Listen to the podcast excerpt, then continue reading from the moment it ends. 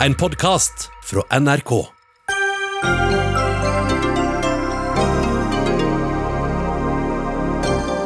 Tapet i politikken merkes fortsatt, sier AUF-leder Ina Libak, som var på Utøya 22.07. Hun kommer til Dagsnytt 18 sammen med Jens Stoltenberg og Arbeiderpartiets partisekretær.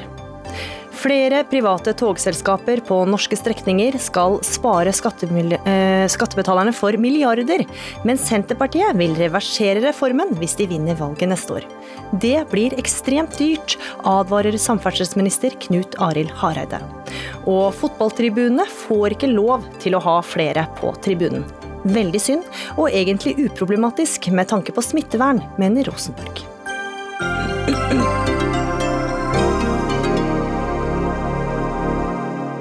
Ja, du hører eller ser på Dagsnytt 18, i studio Gry Veiby. Minnemarkeringa på Utøya er så vidt over, og rett derfra og på vei hit nå kommer altså Jens Stoltenberg, leder i AUF Ina Libak og partisekretær Kjersti Stenseng. Men mens vi venter på dem, så skal det handle om tog.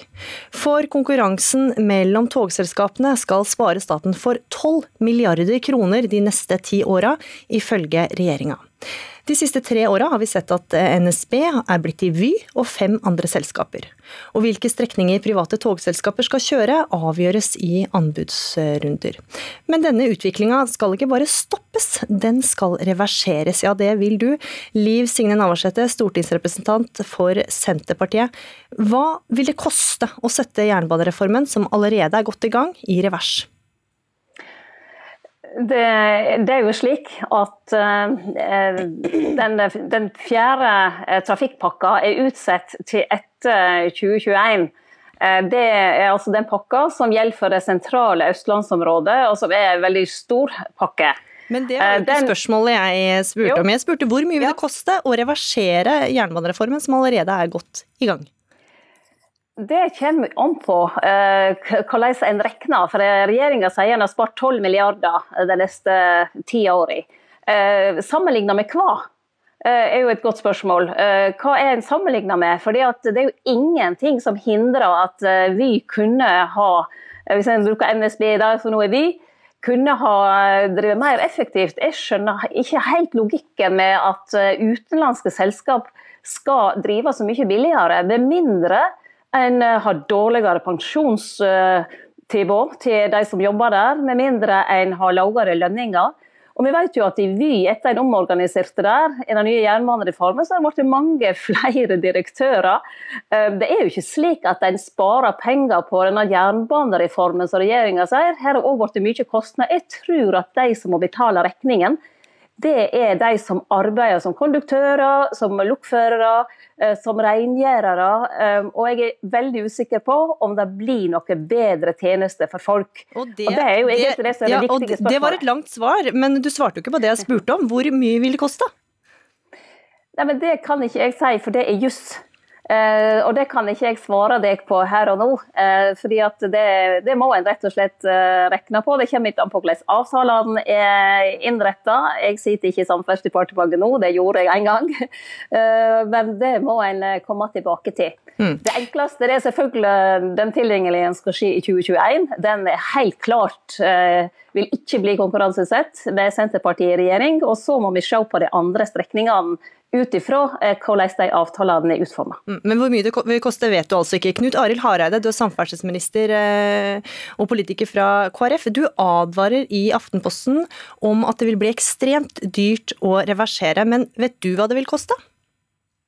Jeg vet ikke nøyaktig hva det vil koste å reversere trafikkpakke 4, men jeg vet at hvis en velger å reversere trafikkpakke 1, 2 og 3, der vi har gjennomført konkurranse, så vil vi tape 12 milliarder som samfunn eh, de neste ti årene.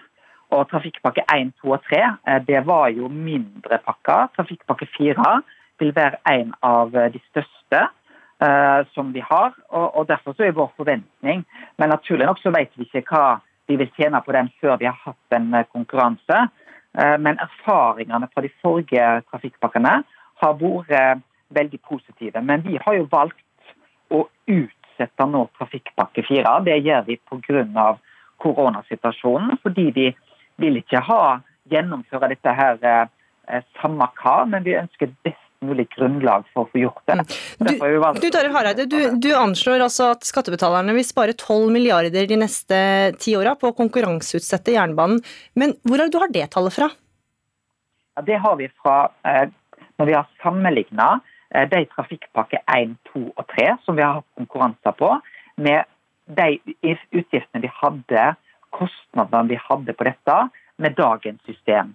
Så hadde vi konkurranse, og da tjener vi da i overkant av litt over 1 milliard på disse tre pakkene de neste ti årene. Så skal vi òg ha trafikkpakke 4, som er den største. Så skal vi ha trafikkpakke 5.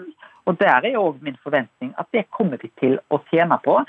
Det å ha flere som konkurrerer, flere selskap som jobber, tror vi både gir oss mer som vi kan da inntekter som vi kan bruke på skole, på eldre, eller vi kan bruke det på å investere i jernbanen. Men et sted må det jo spares inn. Hvor er det det spares inn når man konkurranseutsetter? Jeg tror jeg vi vet veldig godt at når det er flere tilbydere, når en må tenke nytt, når en må være kreativ, innovativ, så får en eh, ting til.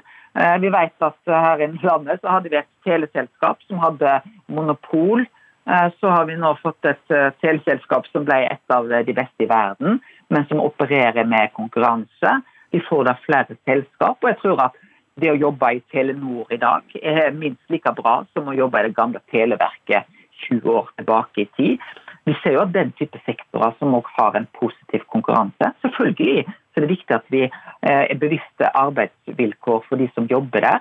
Men det er ikke sånn at det er mindre attraktivt å jobbe i sektorer som har, eh, mm. er konkurranseutsatt. Det er desto mer positivt. Sånn er det med flysektoren, sånn er det med busselskapene som er der. Og vi ser jo at eh, det er gode arbeidsplasser, og det tror jeg òg jernbanen kommer til å bli. Det er egentlig å investere, satse på jernbanen, når vi gir jernbanen mulighet til en positiv konkurranse.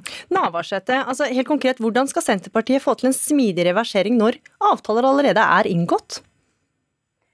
Eh, som jeg sa, så er jo akkurat det er juss, og det kan ikke jeg svare på nå. Det, dette her handler jo egentlig om verdisyn. Eh, hvilken samfunnsutvikling vi ønsker oss.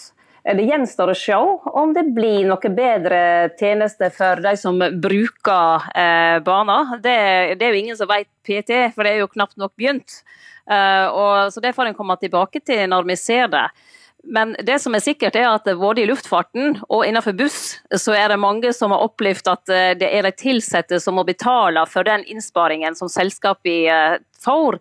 Det er jo ikke slik at det blir billigere å kjøre Bergensbanen fordi om man har vært ute på anbud. Altså, det, lett, det koster like mye med å få tog fra A til B med energi. Det som kan koste mindre, det er selvfølgelig lønninger, pensjonskostnader og sånn til de som jobber der. Eh, og det sier en vel egentlig i sektor etter sektor. Så jeg gjerne en annen debatt på tilsette sine vilkår under konkurranseutsetting, men det er vel ikke tema akkurat i dag, selv om det er tett kobla på dette her. Jo, men det er interessant å ha Hareide. Altså, vi vet jo at ansatte som blir tilbudt jobb i togselskap som overtar altså blir tilbudt jobb i togselskapet som overtar driften av et eh, personal, persontogtilbud, har de noen garantier om at lønnsnivået de har i dag, opprettholdes? Det har de ikke seg sjøl, men de har en veldig viktig del. at De får lov til å nettopp være sikre på at de får en jobb videre. Det går på virksomhetsoverdragelse. Det synes jeg er et viktig prinsipp. Sånn at Her er det ikke personer som blir kasta ut eh, i arbeidsledighet.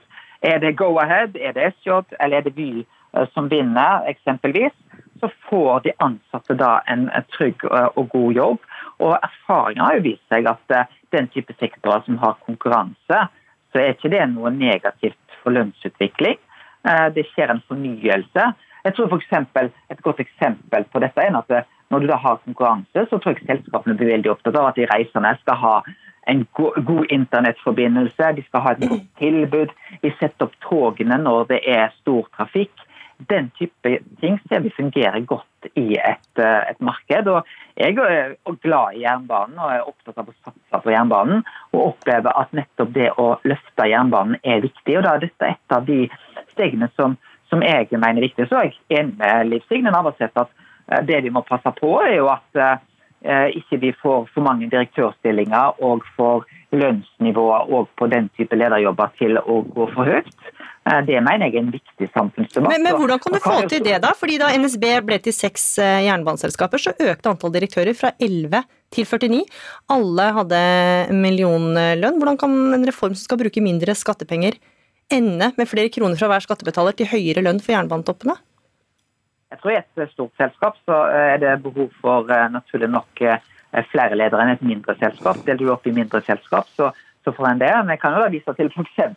Vy-sjefen som er nylig ansatt, får jo da 20 lavere lønn enn da en Senterparti-statsråd satt og styrte i 2012 eh, og Vy, eh, eller NSB-sjef den gang ble ansatt. Så Der er det altså gått ned på lønnsnivået, og det mener jeg er bra, selv om jeg likevel har lyst til å si at jeg syns lønnsnivået er høyt. Mm. Navarsete, Vy-sjefen Geir Isaksen fikk lønn og bonus på 6,2 millioner i fjor, og han ble ansatt med høyere lønn under Senterpartiet i 2012. Ja, men Det hjelper jo veldig lite å sette ned eh, hans lønn med 20% når du omtrent firedobler antall direktører og alle de skal ha en millionlønn. Det som skjer i praksis, det er jo at det blir større forskjeller. Senterpartiet ønsker et samfunn med mindre forskjeller, eh, men konkurranseutsetting og den måten å drifte samfunnet på fører til økte forskjeller. Mm. Flere direktører med kjempelønn. Eh, og eh, færre, eller mindre og dårlig, altså dårligere betingelser for de som arbeider på gulvet, hvis vi skal kalle det det. Og, så, og da, det, er, det, er, et verdivalg, og, og egentlig tror jeg at Hareide er enig med meg. Ja, og Det at, er egentlig siste spørsmålet mitt til deg, Knut Arild Hareide. For dem som følger med i politikken, så er de kanskje overraska over synet ditt i denne saken. Redaktøren i Klassekampen eh, skriver på Facebook at du ikke er til å kjenne igjen i synspunktet. Er du som privatperson egentlig mest enig med Navarsete? Jeg, eh, og det skal jeg være veldig ærlig på. Jeg tror det er for en konkurranse her, det er sunt. Altså, jeg ser den type bransjer. Jeg tror vi skal diskutere hva type bransjer vi skal ha konkurranse innenfor og ikke. Altså, vi har diskutert skulle bestemor settes ut på, på anbud som et eksempel på det. Men togdrift, drift av nettopp transportvirksomheter, der har jo erfaringene vist at nettopp er konkurranse veldig sunt. Så du er ikke mest jeg, eh, enig med Navarsete. Jeg må si takk for at dere var med. Dere skal få toget videre inn i sommerkvelden. Knut Arild Hareide, samferdselsminister, og Liv Signe Navarsete fra Senterpartiet, takk for at dere var med i Dagsnytt 18.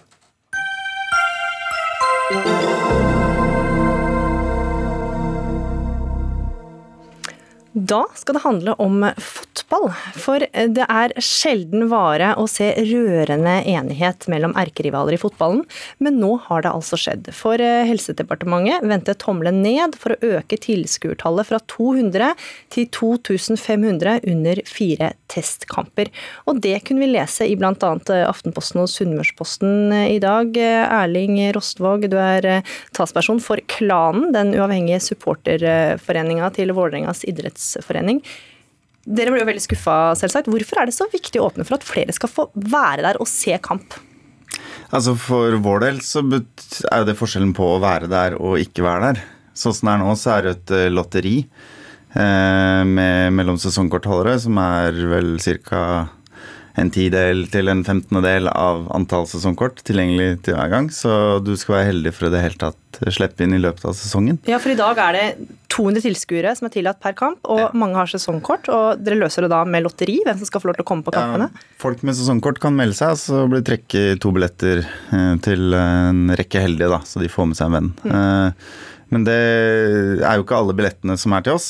Det er jo litt sponsorbilletter og, og, litt sånt, så det er jo langt under 200 til hva skal jeg si de jeg representerer, da, som prøver å lage liv på kampene. Ja, og Hvorfor er det så viktig å være der under fotballkampen? ja, altså, for, for, oss er det å, å, være på stadion og lage livet og på en måte være en deltakende part i, i den stadionopplevelsen, det er på en måte øh, eksistensberettigelsen til foreninga vår. Da. Så det, det, er det vi driver med. Uh, og, og, det er ikke til å stikke under en stol at ganske mange har eh, store deler av sitt sosiale liv også, eh, sin vennekrets og sånn kretsene rundt det å møtes med fast uh, intervall uh, rundt fotballkampene. Så for mange betyr det mye. Uh, men akkurat her så er jeg jo egentlig mest opptatt av at det fremstår som et, et litt rart avslag. Eh, fordi det er et nøkternt pilotprosjekt. Det er ikke et grådig forslag. Det kunne vært samfunnsnyttig, og klubbene trenger dette mm. for å på en måte kunne nærme seg noe som ligner normaldrift. da. Mm. For det er altså det er Norges Fotballforbund, toppfotball, kvinner og norsk toppfotball sendte da i forrige uke brev til Helse- og omsorgsdepartementet og Kulturdepartementet, hvor dere ba pent om å få øke tilskuertallet på fire testkamper, men fikk altså eh, tommel ned. Tove Dyrhaug, daglig leder av Rosenborg eh, ballklubb, hva syns du om den avgjørelsen? Nei, Jeg syns jo først og fremst at det er veldig trist da, at eh, vi fikk avslag på den søknaden. Den var jo grundig gjennomtenkt. Vi har jo laga en protokoll på gjennomføring. Og vi er helt sikre på at uh, vi greier å gjøre det innenfor de smitteverntiltakene som er da. Så du kan jo si, Hvis jeg skal snakke for Lerkendal sin del, så har vi kapasitet til over 21 000. Vi har uh, 24 unike innganger.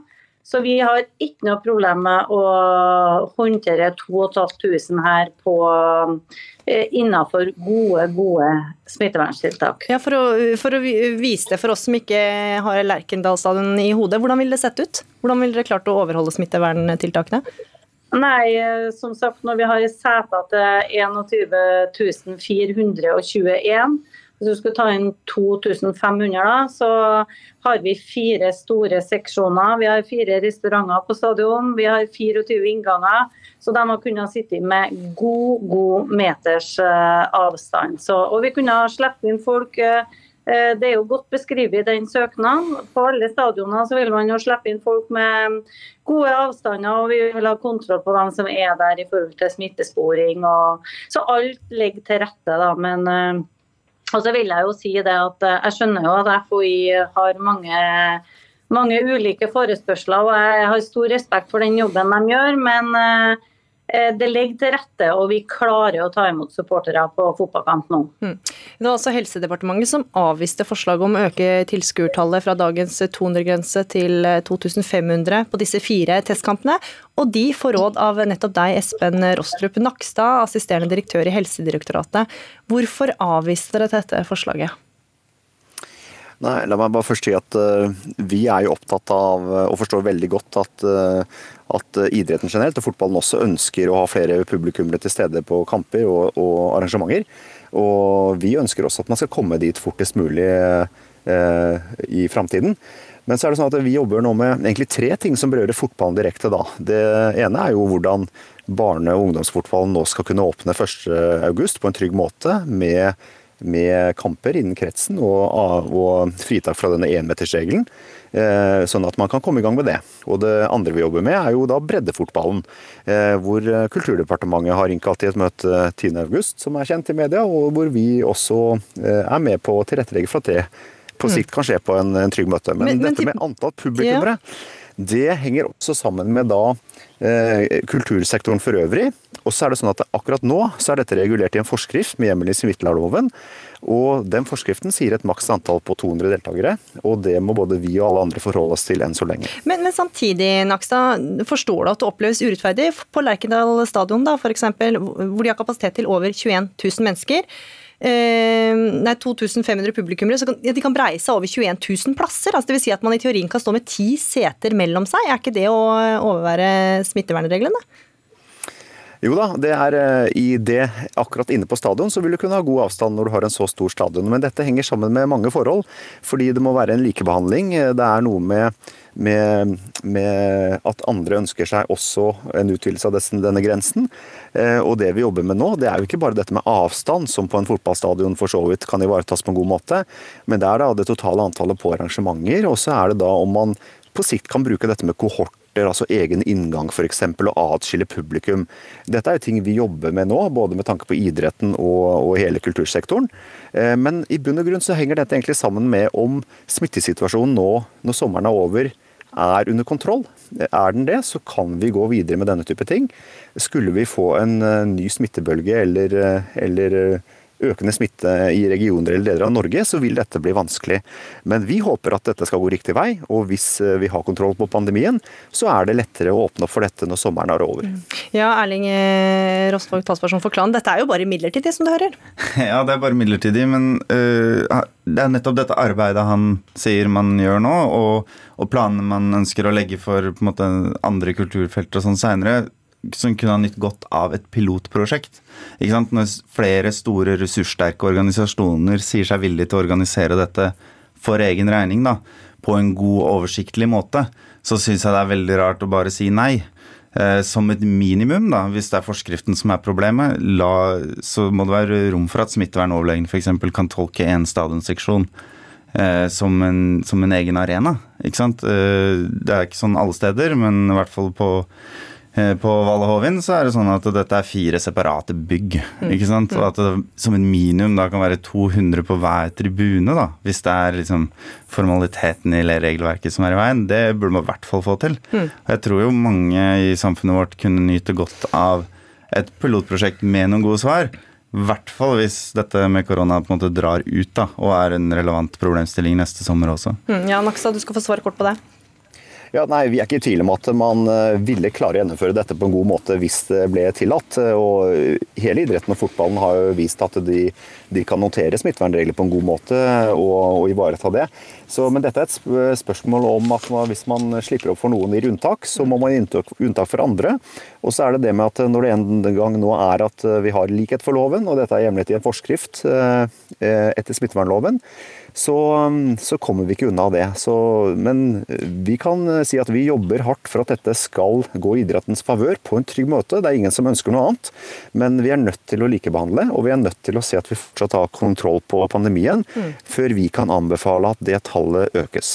Så får vi krysse fingrene da, Tove Dyrhaug fra Rosenborg og Erling Rostvåg fra eh, klanen, at dere snart får eh, møtes på fotballstadion. Takk for at dere var med i Dagsnytt 18. Takk også til deg, Espen Rostrup Nakstad. Ropstad, assisterende direktør i Helsedirektoratet.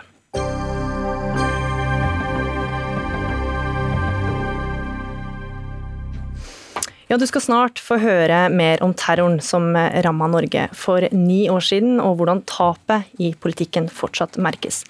Men først til et helt annet tema, nemlig Nato. Velkommen til Dagsnytt 18, Jens Stoltenberg. Tusen hjertelig takk, det er hyggelig å være tilbake igjen. Når vi først har deg her, så må vi jo snakke litt om jobben du har til det daglige, nemlig som generalsekretær i Nato. Det er jo en spesiell eh, tid. Det er en global pandemi, vi har et Kina som vokser, vi har en amerikansk president som noen mener virker uforutsigbar, for å nevne noe. Hvordan er det å være Nato-leder nå? Jeg personlig opplever det som veldig meningsfylt, fordi at eh, i en usikker tid så er det enda viktigere å ha sterke internasjonale organisasjoner, institusjoner som eh, Nato. Eh, jeg sier ikke at det er enkelt, men jeg sier at det er viktig. Og er det noe vi har lært, så er det at land må samarbeide, land må stå sammen for å bevare fred. Og fred er grunnleggende for alt annet vi driver med, enten det er kamp mot klimaendringer eller kamp mot fattigdom, så er fredavgjørende. Mm, men så kommer det jo store utfordringer. For så snakkes det jo mye om en ny kald krig mellom USA og Kina. og Bare i dag så har amerikanerne stengt et eh, kinesisk konsulat i Houston. Hvilke utfordringer skaper det for Nato? Så Det vi ser er jo en grunnleggende endring i maktbalansen i verden. Eh, Kina blir stadig sterkere økonomisk, eh, militært. Og Kina er ikke et demokrati. Kina er ikke et land som deler våre verdier. Det er et autoritært regime. De undertrykker mennesker i sitt eget land, ugurer, minoriteter. De fratar eh, millioner av mennesker som bor i Hongkong grunnleggende demokratiske rettigheter. og vi ser de militært i Sør-Kina-havet og andre steder er eh, veldig selvhevdende. Og de kommer nærmere oss uh, i, i, cyberspace. Vi ser dem i Afrika, vi ser dem i, i nordområdene. Og vi, og, vi, og vi, ser dem ikke minst investere i kritisk infrastruktur i Europa. Så Kina er ikke en fiende, men Kina er en sterk makt som ikke deler våre verdier. og Det har betydning for vår sikkerhet. og Noe av det Nato nå har satt i gang, er en det vi kaller en refleksjonsprosess, Nato 2030, som nettopp skal ta fullt og helt inn over seg eh, betydningen av at Kina vokser så mye som de gjør. Mm. Og Din jobb da er altså å få statsledere som Donald Trump, Boris Johnson, Viktor Orban, Erdogan fra Tyrkia og vår egen Erna Solberg til å bli enige. Eh, hvem vil du si byr på størst utfordringer om dagen? Jeg vil gjøre min jobb mye vanskeligere hvis jeg begynte å rangere dem på den måten eh, der. Min oppgave er å ikke rangere dem, men å sørge for at de blir enige. Det Så alle er like lette? Eh, det er i hvert fall ikke min, det er ikke min oppgave å gi dem karakterer på det, men, men, min oppgave er å bidra til at de blir enige. Og, og det, i en tid hvor mye er vanskelig, og, mye, og mange internasjonale institusjoner svekkes, så er det heldigvis slik at i Nato så har vi greid å bevare enigheten om det viktigste, nemlig å beskytte hverandre. Nato-land gjør mer sammen nå enn de gjorde på mange tiår. For første gang har vi kampklare styrker øst i alliansen. Land investerer mer i forsvar, og vi moderniserer alliansen, omstiller Nato. Så Nato har gjennomført de største omstillinger og styrkingen av alliansen på et par tiår siden kalde krigens slutt. og det har vi gjort ved å altså, greie å sørge for at USA og Europa jobber eh, sammen. Mm, så det var egentlig ikke noe svar på mitt spørsmål. Men allikevel, ta oss litt med inn på bakrommet. Altså, du snakker jo ofte med statsledere, inkludert eh, Donald Trump. Hvordan foregår egentlig de samtalene du har med han? Det er jo avhengig av om vi snakker på telefonen eller om vi møtes. Men det, det, er samtaler som handler om ja, USAs militære nærvær i Europa. Det handler om eh, Afghanistan. Det handler om Eh, nedrustningsavtaler eh, og andre, altså atomopprustning og fare for mer eh, atomkappløp. President Trump er jo en, en, politiker som snakker direkte, og som, og som i og for seg på tomannshånd snakker på samme måte som man gjør i, i, det offentlige rom, og har sterke meninger om mange spørsmål. Men, men, og han har vært også ganske kritisk til Nato, først og fremst for han mener at det, det er urettferdig at USA betaler så mye, og at de europeiske Nato-landene betaler så lite. Det han nå uh, anerkjenner, det er at dette er i ferd med å endre seg. Det er fortsatt langt igjen, men etter mange år med å kutte og investere mindre, så har europeiske uh, Nato-land nå uh, alle begynt å investere mer. Og det er viktig for Da får man militære kapasiteter man trenger, men det er også viktig for det å investere i at USA fortsatt bryr seg om Europa. og Det er også et positivt trekk at vi se at amerikanerne står ved de sikkerhetsgarantiene. Så du er ikke bekymra for at eh, Trump vil trekke USA ut av Nato? Eh, han har i hvert fall tydelig sagt i mange samtaler, eh, både offentlige og i samtaler, mm, at han står ved USAs forpliktelser til Nato. Og og, og troverdigheten og styrken i det har jo økt ved at han også da tydelig sier eh, og erkjenner at eh, europeiske Nato-land nå gjør mer. Han er jo samtidig veldig opptatt av at det er mye som gjenstår. Men hvis man følger hans valgkamptaler, innleggene han holder, så er han opptatt av å fortelle at over de siste fire årene så har det kommet 130 milliarder ekstra dollar til de militære budsjettene. Og, og det monner, og det, det, det bidrar til å bygge samhold i Nato. Mm. For Tidligere i år så kom altså boka til tidligere sikkerhetsrådgiver i USA, John Bolton. og Der skriver han at eh, Trump eh, ville trekke USA ut av Nato. Hvordan opplevde du den hendelsen, som Bolton beskriver i boka si? Altså, det var et dramatisk eh, toppmøte sommeren juli 2018. Vi måtte avbryte det møtet vi egentlig hadde om Ukraina og Georgia, og sette et ekstraordinært møte og holdt på noen timer der. Eh, eh, mye av det ble vel offentlig, Noe av det ble offentlig kjent eh, den sommeren, noe har begynt å si ut etter hvert. Men mens president Trump gikk inn i det møtet med veldig kritisk vurdering av Nato, så dro han jo derfra og sa at han var over 100% for Nato. Og det var bl.a. gjennom de diskusjonene, gjennom de løftene og gjennom de tallene vi kunne legge på bordet som viste at ting gikk i riktig retning. Så ja, det var et, det var et eh, krevende møte, men, men eh, det endte eh, godt, og det beskrives vel også i boka til Bolten. Kan, Trump kan jo også virke som en uforutsigbar type, er du enig i det? Han er annerledes, det, det, det, det er han. Og, jeg vet ikke om altså, Jeg tror ikke han har noe problem med å også si det, men, men jeg er jo igjen i den situasjonen at Min oppgave er ikke å synse så mye om Nato-ledere og Nato-land. Min oppgave er å få forskjellige Nato-land, forskjellige politiske ledere. Vi er 30 land med forskjellige politiske kulturer, forskjellig historie. Begge sider av Atlanterhavet, um, ulike partier i, makt og regjering. Uh, så hvis jeg begynte å synse om alle de, så hadde det vært spennende og, og kanskje skapt gode overskrifter. Men da hadde, da hadde jeg ikke gjort jobben min, for min jobb er å Altså sørge for at på tross av disse forskjellene, at vi kommer fram til felles konklusjoner. Og det har vi eh, greid over de siste årene. Kanskje det blir synsing når du er ferdig om et par år? Det kan hende, men eh, det er ikke sånn å fokusere på den jobben jeg har i dag. Men Hvilke personlige egenskaper er det som gjør at du er en god Nato-leder, tror du? Det må jo de som ba meg om å bli Nato-leder eh, svare eh, på. Jeg, du må jo framheve litt i jobbintervjuet og ja, altså Det jeg grunnleggende sett tror, at jeg tror det, en, jeg tror det å være politiker er et, er et viktig, viktig, erfaring. Politikere må kombinere det, og da snakker jeg ikke bare meg, men politikere generelt. Jeg har stor respekt for politikere som må kunne fag, kunne saker, eh, kunne mange forskjellige saker. Eh, men må også kunne se løsninger. Det er veldig lett å beskrive problemene, det er veldig lett å beskrive hva som ikke går, og kritisere. Det er ekstremt mye vanskelig å få til noe. Og den politiske erfaringen som, som ja, folk med politisk bakgrunn har, eh, den er nyttig også for meg i Nato. Mm. 22. Juli, som vi snart, Det er jo 22. juli i dag, ni år siden terrorangrepet. Eh, og Det var et høyreekstremt terrorangrep. Og nettopp høyreekstreme er på frammarsj i flere Nato-land, eksempelvis Polen, Ungarn, Tyskland. Hvordan ser du på den utviklinga? Ekstremisme er farlig, hat er farlig, og det er farlig uansett hvilken ideologi eller religion eh, de misbruker for å eh, begrunne sin bruk av vold. Fordi det som egentlig forener dem, uansett hvilken religion de bruker, eh, eller ideologi de bruker, er at de mener at de har rett til å bruke vold. Det er lett å drepe for sitt politiske budskap. Det er uakseptabelt. Det er veldig lov av mange ulike politiske meninger, men det er helt uakseptabelt å bruke vold. og Det tar Nato på alvor, fordi det angriper grunnverdiene for Nato, som handler om demokrati, eh, rettsstat, eh, menneskerettigheter og, og terror, voldsbruk, strid mot det. Men hvilke utfordringer skaper det for Nato? Eh, det skaper jo den utfordringen at vi ikke minst må jobbe mer på etterretningssiden. Altså forsøke å forutse, se terrorfarer før de skjer.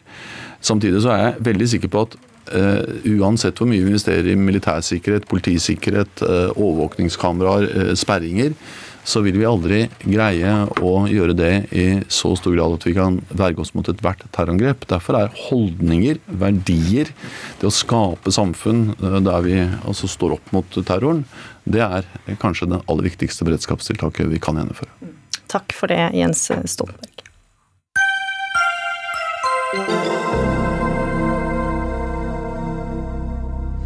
Og da skal det handle om 22. Eh. For det ble en minnemarkering blotta for klemmer og varme håndtrykk.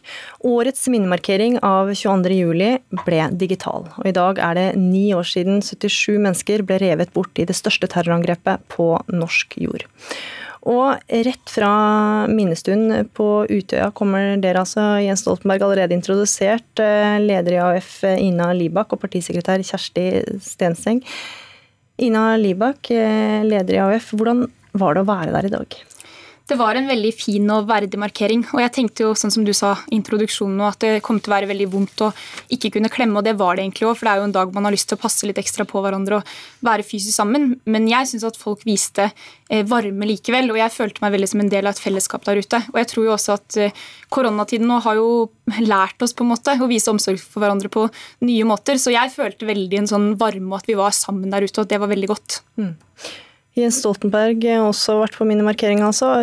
Ja, som sagt, mange ville klemt, og det ville vært med. Hvordan har du opplevd det? Jeg opplevde akkurat på samme måte som Ina, at det er veldig fint. Det er en veldig vond dag, det er vonde minner, det er forferdelig det som skjedde, men det er fint å markere det. Eh, I år med litt færre mennesker til stede, men likevel en følelse av at vi er en del av et stort fellesskap eh, her i Norge. Men faktisk ikke bare i Norge. 22.07, eh, Utøya, bomben i regjeringskvartalet, det er kjent langt utover landets grenser. Og det er et symbol for mange hvordan et land står opp mot det som ble angrepet. og og rosetog har de hørt om, eh, og, eh, og, eh, det er et eksempel på hvordan man slår ring om viktige verdier som ble angrepet. Mm. La oss gå tilbake. Når denne nå er, er det, For ni år siden så hadde skytinga på Utøya allerede pågått i over en time. Ina Libak, hvor var du på den tida, i 2011? Ja, jeg var jo på Utøya, så jeg opplevde, jo, eh, jeg opplevde jo den dagen ved å være der og bli eh, skadd ute på Utøya. Så det er en dag som kommer til å prege meg så lenge jeg lever. Det var jo den dagen alvoret egentlig kom inn i livet mitt. Det var jo en, en dag hvor vi hadde en dag før eh, som var fylt med sol og sommerleir, akkurat sånn som det skal være. At vi var på leir sånn som alle AUF-ere har gjort før oss. At man er der, drømmer store drømmer, går på kjærlighetstiden og spiller fotballkamp. Og dagen etter så våkna vi til kjemperegn. Eh, og så opplevde vi også altså da at eh, det som jeg sleit med å ta inn over meg egentlig i mange måneder og år etter 22. juli, at noen faktisk var villig til å drepe oss for det vi trodde på, at vi var kommet på sommerleir for å kjempe for et mangfoldig samfunn, trodde på de verdiene og sto opp for de, og det var noen villig til å drepe oss for da, og forsøkte å, forsøkte å drepe meg. Så det er et alvor jeg alltid vil bære med meg. At jeg har blitt skutt fire ganger for det jeg tror på. Så for meg blir aldri politikk noe som bare er liksom tull og småsaker igjen. Politikk er alvor for meg, for jeg vet hvor, hvor alvorlig det kan være hvis, hvis hatet får vinne frem, da, og de kreftene får vinne frem. Mm, for du ble skutt altså fire ganger i armene, i kjeven og i brystet. Hvordan endra denne dagen her for ni år siden livet ditt? Retninga livet ditt tok? Det endra jo livet mitt eh, på en sånn måte at det er vanskelig å forklare hvor mye det endra livet mitt, egentlig. Eh, fordi både personlig så er det jo veldig mange mennesker jeg savner, som jeg tenker ekstra på i dag, men som jeg tenker ofte på ellers òg. Tenker på hvor ville de vært i dag, hva ville de gjort? Mange hadde begynt å studere, noen hadde fått barn. ikke sant? Det er jo en sånn ting man tenker på jo mer årene går. Og jeg fikk nok også en sånn Etter 22. juli så fikk jeg veldig lyst til å gå rundt til alle og si sånn Husk hvor heldig du er som lever. på en måte. Gå ut i skogen, gå og snakk med noen du er glad i. Altså Tenk på hvor heldig du er som lever. Fordi jeg hadde opplevd at jeg kjente helt fantastiske mennesker som elska å leve, og de fikk ikke lov til å gjøre det mer. da. Mm. Så det prega meg veldig personlig. Men i engasjementet så vil jeg si at det er det alvoret. Det ga meg egentlig to sider. da. Det ga et veldig sånn alvor Jeg vet at hat kan være livsfarlig. Jeg har sett det. Jeg har sett det hatet. Men jeg har også sett kjærligheten etterpå. da. Jeg har sett fellesskapet. Jeg har sett hva som kan skje når vi mennesker velger det andre også. Jeg har sett hva som kan skje når eh, vi mennesker slår sammen og ser at det er mer som forener oss enn det som skiller oss. Så det har også gitt meg sånn, et håp da, om hva mennesker kan klare. Jeg har ikke mista troen på mennesker, heller motsatt egentlig. At jeg har fått større tro på mennesker. da. Eh, det aller viktigste for mennesker er andre mennesker, og, og det vi kan bety for hverandre. Det har jeg fått en sånn fornya tro på. da. Mm. Jens Stoltenberg, i 2011 så var du statsminister. Hvor var du på dette tidspunktet? Altså, jeg var vel eh, da fortsatt i et sånt sikkert rom i en kjeller i statsministerboligen. Eh, og både Ina og jeg opplevde jo 22.07, eh, men på veldig forskjellige måter. Hun ble jo skutt på. Hun ble skutt. Hun var på Utøya. Altså, mitt kontor, regjeringsbygget, statsministerkontor, ble jo sprengt. Og jeg følte det angikk meg. fordi den, altså AUF uh, ute har vært på hver eneste sommer siden 1974. Jeg skulle tale der dagen etterpå. Uh, det landet jeg var statsminister i ble utsatt for det mest brutale voldsangrepet siden annen verdenskrig. Men jeg er likevel opptatt av å si at 22.07 først og fremst handler om de menneskene som mistet livet. Alle de som har mistet sine aller næreste. Og de som ble hardt skadd. Og det er veldig personlige ting. Det handler om menneskelig lidelse, sorg og savn. Men så er jo paradokset med 22.07 at det er personlig, men det er også veldig politisk. For det er en politisk handling. Det er et politisk motivert, eh, eller politisk motiverte drap. Og Det er viktig at vi bruker 22.07 til både å minnes, hedre de som mistet livet, men også stå opp mot det hatet, den høyreekstremismen, som rammet oss for ni år siden, men som har rammet mennesker over hele verden, og i Norge eh, for mindre enn et år siden, eh, når en ung jente ble drept og Al-Noor-moskeen ble angrepet. Mm. Eh, så, så, det er noe å skjønne at dette er politikk eh, eh, i en tid der de, de hatefulle kreftene fortsatt finnes der ute. Du var som du sier, i trygge omgivelser, men du var jo statsminister, du var Arbeiderpartileder. Altså, Når gikk omfanget av terroren opp for deg? Altså, det var eh, veldig presist da eh, den daværende politidirektøren Øystein Mæland sendte meg en tekstmelding ved tretida om natten. og Da eh, fikk jeg beskjed om at det var 88 drepte. Siden skulle det vise at det var altså, litt færre, men likevel et omfang som var helt hinsides det vi altså det vi i hvert fall håpet på da vi begynte å legge oss på den natta. fordi at det, Da visste vi at det var en åtte drepte i regjeringskvartalet. Den, og så visste vi at det var en del drepte på Utøya, men det var så forvirrende tall Eh, at vi håpet i det lengste at det var mye, mye eh, færre. Men da jeg fikk den tekstmeldingen, da skjønte jeg at det var en katastrofe. Det var noe helt annet enn liksom noen drepte. Det var en katastrofe. Og vi måtte legge om husker jeg, programmet. Vi måtte ha en presse, en ja, ny tale den morgenen. Uh, og, og, Øystein Peland, som da var politidirektør Det er skjebnen at han og jeg har jo tilbrakt mye tid sammen på Utøya. Så den samtalen vi hadde den natta, den, den gjorde veldig inntrykk på meg. Og, og er et uttrykk for hvor mange mennesker som hadde et veldig personlig forhold til det. Og jeg skjønte jo også etter hvert at en del av de som var drept der ute, var mennesker jeg kjente, i tillit til at eh, medarbeidere på statsministerens kontor der jeg jobbet, var drept. Husker du følelsen du fikk da du leste meldinga? Ja, det var, sånn, at det var en sånn avgrunn som åpnet seg. For det, jeg tror det er noe veldig menneskelig i at så lenge det er litt håp, så håper du det beste. Jeg skjønte at det kunne være veldig ille ute på Utøya. Men fordi det var så usikre tall, og vi fikk eh, forskjellige rapporter og sånn, så trodde alle at ja, de telte helt sikkert eh, de samme eh, døde mange ganger, og vi hørte masse AUF-ere melde inn og sende tekstmeldinger og sånn. Vi fikk jo tekstmelding inn til statsministerboligen. Men, men, men det er når du får, liksom, får et offisielt tall som bekrefter at det er mye høyere enn selv liksom de verste løse anslagene den kvelden. Det er den følelsen av den avgrunnen, at det store mørket åpner seg. Så ja, det følte jeg den natta. Mm. Partisekretær Kjersti Stenseng, den gangen var du statssekretær i Kulturdepartementet og fylkesleder for Oppland Arbeiderparti. Hvor var du i dag for eh, ni år siden? Da hadde, jeg jobba jo med Anniken Huitfeldt, som da var kulturminister, og så hadde jeg vært på Riddo Riddo-festivalen i Troms kvelden før. En lang, lys sommernatt der. Og eh, jeg var på Gardermoen og sendte Anniken videre til Molde Jazz. Og satte med bilen og kjørte opp til Gudbrandsdalen og hjem igjen. Og så satt jeg på telefon med min kollega i Kulturdepartementet, Lubna Jafri, og hørte eh, bomba i regjeringskvartalet gjennom telefon. Hun var rett utafor der i Akersgata. og eh, ja, Den hektiske eh, utvekslinga oss hadde da med hva det kunne være. Det var alt fra en panteautomat som hadde eksplodert i en butikk, til jeg skjønte at ja, hun ble engstelig og begynte å springe. Så gjennom den bilturen så hørte de opp oppdaterte nyhetssendinger, og, etter kort òg at det var skyting på Utøya. Og så var det nok i likhet med det du sier, Jens, de nyhetssendingene gjennom den natta, når tala kom. Eh, og omfanget var så stort at vi skjønte at her er det en enormt stor katastrofe som har skjedd. Eh, så var det opprettet et akuttmottak eh, på vårt partikontor i Gjøvik, som var vårt partikontor i Oppland.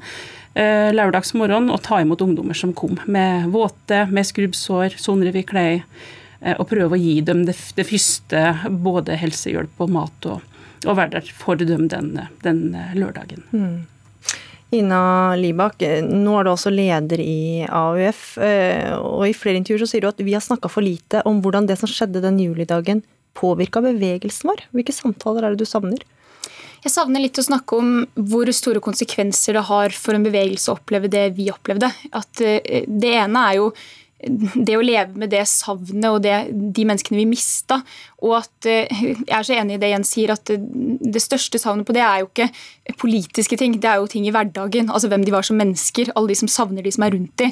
Men også i politikken så er det jo sånn at de hadde jo tatt verv, mange av de, ikke sant? og de hadde jo bidratt. Men så er det jo alt det andre også. Alle som syntes det var for vanskelig å komme tilbake til AUF, som jeg har veldig stor respekt for, eh, men som da valgte å gjøre noe annet, og som kunne vært en del av bevegelsen. Eh, og så er det jo noe med å eh, skulle drive en bevegelse videre, hvor har hvor den bevegelsen har blitt angrepet, medlemmene har blitt, medlemmene har blitt drept, og skal du gå inn i den samme bevegelsen og drive den videre. Det er klart det er en tøff oppgave. Altså, I hele min tid etter 22. juli AF så har jeg alltid opplevd at det har vært mest av alt meningsfylt. For meg var det riktig å gå tilbake til AUF fordi det var riktig for meg. Det var ikke sånn godhet for AUF. på en måte. Jeg gjorde det fordi det var riktig for meg, og for andre var det riktig å velge annerledes. Men det har vært dager det har vært veldig tøft å ha den store oppgaven. Og det tror jeg kanskje vi har vært for dårlige til å si hvor mye det har prega, og hvor lang tid det har prega oss. da. Hva kunne vært gjort annerledes, da? Nei, rett og slett bare å snakke om det. Eh, på samme måte som jeg, jeg, mener at det er andre ting vi også burde snakke mer om. Jeg, jeg, mener at vi burde snakke mer om at det var et angrep på eh, AUF og Arbeiderpartiet. Det er en del ting ved den hendelsen nå som vi kan se litt klarere når vi kommer leng lenger ut. Jeg er liksom opptatt av at vi gjør det beste vi kan der vi er, når vi er der. Så Derfor så kommer jeg aldri til å sitte og si tilbake sånn jeg burde gjort det annerledes eller noen burde gjort det annerledes. Fordi vi var jo der vi var, på en måte, og vi prøvde å gjøre det beste ut av det. Men, men nå så tenker jeg at det er mulig å ha de samtalene. da, At vi må snakke mer om eh, både de store samtalene om hva var dette angrepet, jo det var et høyreekstremt angrep eh, med et hat som fortsatt lever. Eh, hva gjør det også? Vite at det hatet finnes der ute, med oss som bevegelse. Og vi må snakke mer om eh, hva det gjorde med bevegelsen, med, med alle de medlemmene som ble berørt av det. Ja. ja, Kjersti Stensing, hva tenker du om det? Jeg er enig med, med Ina i det. og altså, Ni år, det er mange dager. Men det er også viktig å huske at hver eneste dag siden 22.07.2011 så har vår bevegelse levd med liksom, det nærværet og den sorgen, det traumet. De, uh, ja, folk bearbeider sorg på ulike måter, kommer seg gjennom det på ulike måter, som Ina sier. Uh, også hatt veldig stor altså, Fra starten så var det jo en konsensus om at det var en felles sorg. Norge sto i hop. Uh, det var et angrep på demokratiet som oss alle er en del av. Og så kom vi over på en fase der oss Kanskje alle hadde behov for en normalitet og en normal hverdag. Men den fasen som handler om å prate om hvem var det et angrep på, eh, og hvorfor, eh, og ikke minst viktig når du ser at det hat og grobunn for den type konspirasjonsteorier lever i beste velgående. Så tror jeg jo at når vi nå kommer til tiårsmarkering eh, neste år, så er det et år og en fin anledning for oss for å for å fortsette den samtalen, for det er helt nødvendig. Men oss eh, har nok òg vært prega av at eh, oss har hatt behov for å være både fintfølende og ha den balansegangen eh, med eh, pårørende, foreldre, de som har overlevd, eh, sørger på ulik måte. Eh, og Arbeiderpartiet må ha vært opptatt av å trå varsomt fram i den sorgen som oppleves ulikt, og som er så Vi vet hvordan sorg virker individuelt, men vi vet for lite på hvordan du som organisasjon skal klare å ta den eh, videre. Da. Og det er mer opptatt av at hun skal prate mer om det. Hun skal ikke prate mindre om det ettersom tida går. Og tiårsmarkeringa var en fin anledning for å for å, å ha den samtalen som Mina etterlyser. Jens Stoltenberg, dagene og tida etter angrepet så hørte vi deg snakke mye om mer åpenhet og mer eh, demokrati. Hvordan syns du det har gått? Jeg syns grunnleggende sett det har gått bra i forhold til de målsettingene. Um, det er veldig viktig at vi har et kritisk blikk eh, og forståelse av hvordan Norge har håndtert det, um, og at vi lærer. Eh, men jeg opplever at Norge håndterte det på grunnleggende sett en god måte. Både det at folk gikk ut i gatene. Eh, jeg er blant de som er helt sikker på at rosetog gjør en forskjell. Det å markere kjærlighet, det å markere varme, det gir omsorg og trøst til de som trenger det. Og det er en voldsom mobilisering for noen verdier. Jeg er også veldig sikker på at eh, i Norge så har vi mer forståelse for hva, hvor viktig det er å være for toleranse, for mangfold. At ikke det er tomme ord med veldig konkret betydning. At rasisme er en reell trussel. Uh, og jeg tror mange har blitt bevisstgjort gjennom det, den holdningsarbeidet som har skjedd uh, siden 22.07, og som på en måte startet med uh, Rossetogene og alt som skjedde da. Så hadde vi et veldig ryddig rettsoppgjør, som det står respekt av. og så har vi hatt en veldig kan, usminket og ærlig gjennomgang av alt som handlet om beredskap. Så Selvfølgelig er det ting vi skal tenke gjennom og vi kunne gjort annerledes. Jeg mener det er riktig at vi er kanskje litt mer åpne på den politiske dimensjonen av dette, at det er høyreekstrem terror, som Norge har opplevd før. Jeg husker Hadelandsdrap, jeg husker bombeangrep mot mot uh, 1. mai-tog, uh, og vi har hatt uh, angrep mot en moské bare for ni måneder siden som kunne blitt et mye mer alvorlig tilfelle hvis ikke noen der hadde stoppet det, altså noen som var i moskeen. Så det minner oss om at sant, terror kan ikles ulike religioner, men det handler om det samme, og vi skal bekjempe det. Og det handler om militære, politi, den type ting. Men det handler også veldig mye om det hver enkelt av oss står for av verdier og holdninger. Men er det noe du ser nå at du skulle ønske du hadde gjort annerledes? Jeg, jeg, sånn, jeg, har ikke en sånn liste eller sånn enkeltpunkter, men jeg er, litt, jeg er enig med det, det både Ina og Kjersti sier, at vi, vi, kunne kanskje vært liksom tydeligere på eh, hvor hardt Arbeiderpartiet ble rammet. Jeg personlig vet jo at noen av de som ble drept, var ufattelige politiske talenter. Og det er klart, Hvis du er et politisk talent i AUF, eh, så er sannsynligheten for at du får en eller annen viktig verv, posisjon, enten Arbeiderpartiet regjering eller et annet sted i samfunnet, er stor. Så de menneskene er borte. Så er det veldig viktig at det, hvert liv der ute teller akkurat like mye. Men, men, men det, er liksom, det er noen nøkkelpersoner som forsvinner. Uh, og, og, Du vil aldri kunne måle det, men kanskje være tydeligere på at det faktisk rammet uh, AUF spesielt, og Arbeiderpartiet også da gjennom AUF. Mm. I går så kunne vi høre unge partikollegaer av dere fortelle om en storm av hets og hat hver gang de utholder seg. Og siden 2011 eh, så har det blitt 3000 færre AUF-ere etter 22.07. Libak, er det uattraktivt å bli politiker? Nei, det tror jeg ikke, men jeg syns det er veldig Eh, viktig at vi får frem i lyset den hetsen som er. Og der tror jeg nok at, eh, at der også så trenger vi eh, å ta den debatten som jeg mener vi tar bedre nå. at Før var det veldig sånn debatt for eller mot ytringsfrihet. Og de aller fleste er jo for ytringsfrihet. Men det er jo også snakk om at hvis noen bruker ytringsfriheten sin til å bare true og hetse andre, så kan det være andre som egentlig mister sin ytringsfrihet, fordi de tør jo ikke å heve stemmen sin. Og der mener jeg at vi må snakke mer om det, og vi må sette en tydeligere grense. Hva er innafor? Hvordan kan vi snakke til hverandre, og hvordan kan vi ikke gjøre det? Og jeg tror at hvis unge unge folk skal være i politikken, så må de vite at det blir tatt alvorlig. At hvis de melder fra om trusler, så blir det håndtert på en måte som gjør at de opplever at samfunnet sier fra at dette er ugreit. Men jeg opplever, opplever jo ikke at det er uattraktivt å være i politikk. Da. Altså jeg opplever egentlig så gjør det meg veldig håpefull å se den unge generasjonen nå. Både AUF-ere, men også andre i hele samfunnet, som hever stemmen sin mot rasisme i det store opprøret mot rasisme vi ser nå. Alle unge som klimastreiker, går ut i gaten og sier til foreldregenerasjonen at uh, nå er vi nødt til å gjøre noe med dette. Det er jo egentlig de unge stemmene som nå eh, fører samfunnet fremover, da, som har de store drømmene man trenger. Så, så jeg tror at unge er en kraft, og jeg tror vi må også huske at de aller fleste i Norge de står opp for ytringsfrihet, de støtter hverandre. Folk sier snille ting til hverandre hver dag. At det er noe med å huske hva er det vi er for. Altså Vi er mot noen ting hvor vi skal sette en tydelig grense, men skal vi mobilisere folk, så må vi også huske at de aller fleste gjør en kjempeinnsats hver eneste dag.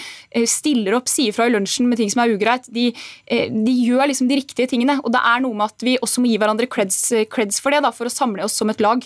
Men for å snakke om disse som forteller om eh, hets og hat, da, Kjersti Stenseng, hvordan er systemet for å ivareta disse unge politikerne? Politiske talentene?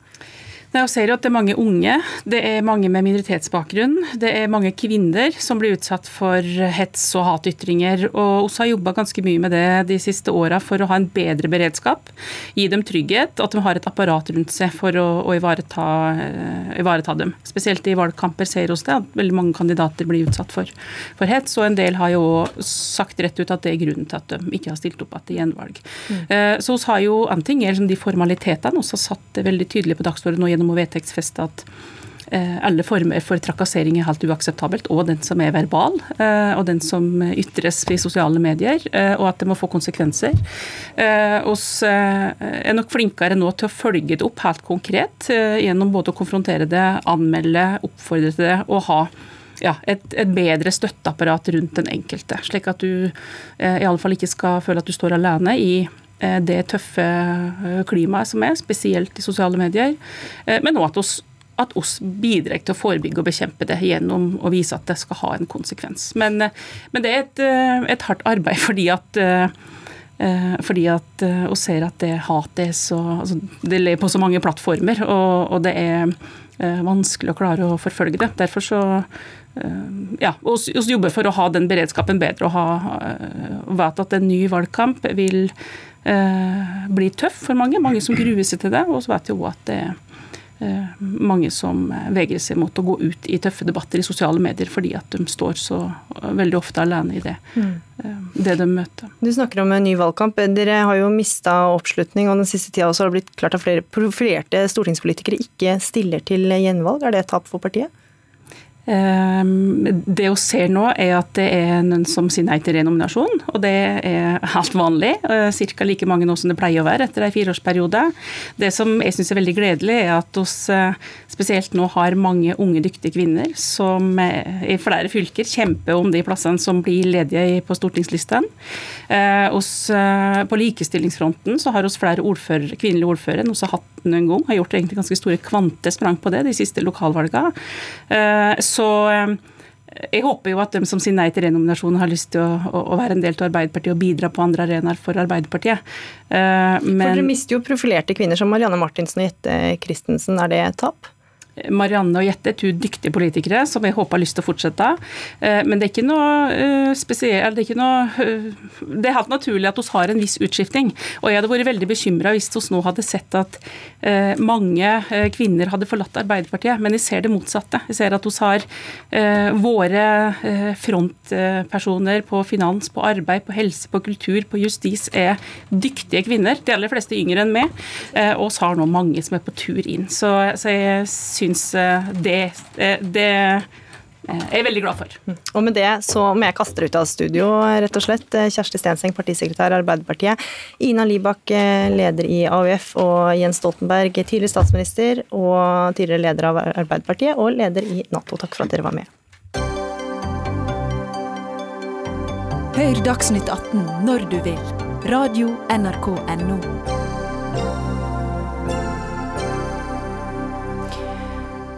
For nå skal vi ta inn kommentatorene. For eh, det er en spesiell dag. Og til tross for lovord om mer åpenhet og mer demokrati, er ikke Norge kvitt rasismens mørke. Det skriver du i en kommentar i Bergens Tidende i dag, Jens eh, Kiel. Hva er din forklaring på at vi ikke har vunnet over hatet? Altså, Det vi har greid å gjøre, er jo å selvfølgelig ta stor avstand fra eh, de høyreekstreme, eller de eh, nazistene som har eh, begått terror på norsk jord, som eh, Manshaus og Breivik. Eh, og det er jo for de aller fleste av oss en ganske lett ting å gjøre. Det vi ikke har greid, er å ta den debatten om eh, Eh, rasisme i, i hverdagen, og, og, rasisme som på en måte kommer til uttrykk gjennom eh, systematisk forskjellsbehandling i ulike sektorer. Eh, vi greide det ikke etter 22.07. Da ble det en debatt om debatten, som vi var litt inne på i forrige innslaget. og og liksom dra Arbeiderpartiet 22.07-kortet og alle mulige sånne ting.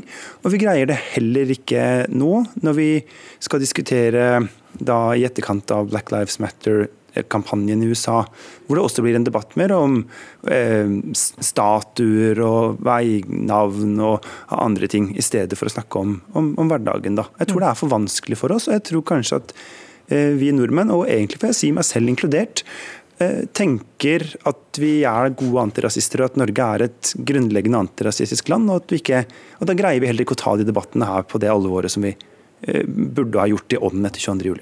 Politisk redaktør i VG, Hanne Skartveit, er du enig i den analysen? Nei. Eh, det er helt riktig at rasisme er et eh, problem i samfunnet som vi stadig må kjempe mot, men at vi ikke har snakket om det, og at det ikke har skjedd noe etter 22.07, som Jens Kiel skriver i sin kronikk i dag, det er jo å male verden veldig mørkt. Og det er egentlig å sende et signal om at det er ikke noe vits i å gjøre noe hvis ikke ting har endret seg etter 22.07.2011, for det nytter ikke. Vi har fått en helt annen bevissthet rundt radikalisering, selvradikalisering på nettet, på nettets mørke.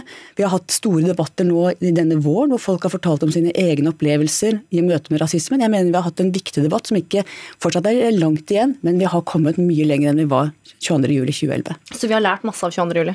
Ja, det mener jeg. Ikke mm. nok, selvfølgelig. Det er mye å ta i fortsatt, mm. men jeg mener at vi har lært mye etter 22.07. Mm. Ja, Jens Kiel, er det en litt pessimistisk analyse du har? Det, det, kan godt være. Er, eh, jeg er ikke på mitt eh, lyseste når jeg skriver i dagene rundt 22.07. Eh, noe år.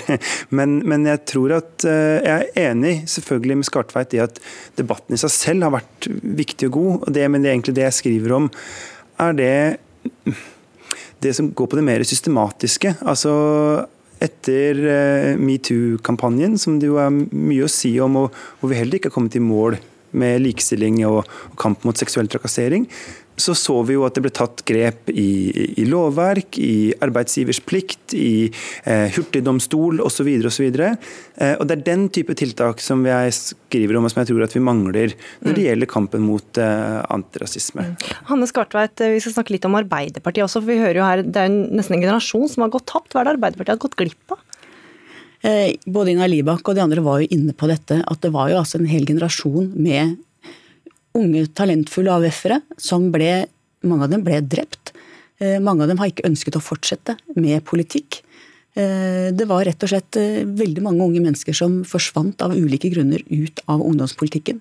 AUF har alltid vært veldig veldig viktig for Arbeiderpartiet når det gjelder å få nye, unge, engasjerte folk inn.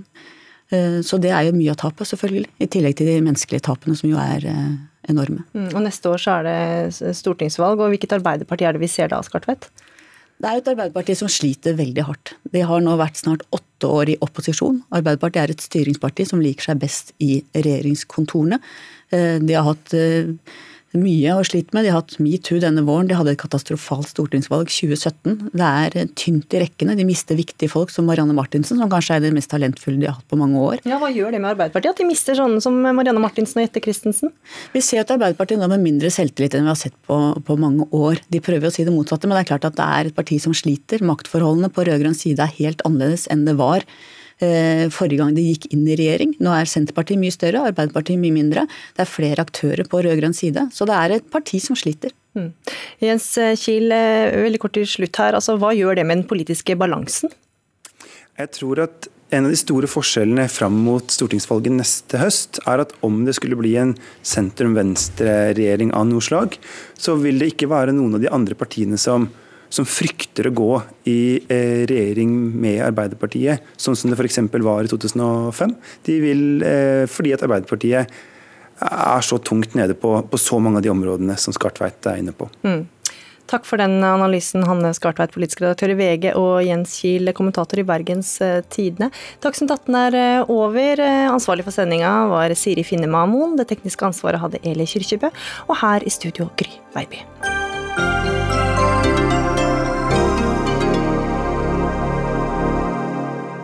Du har hørt en podkast fra NRK.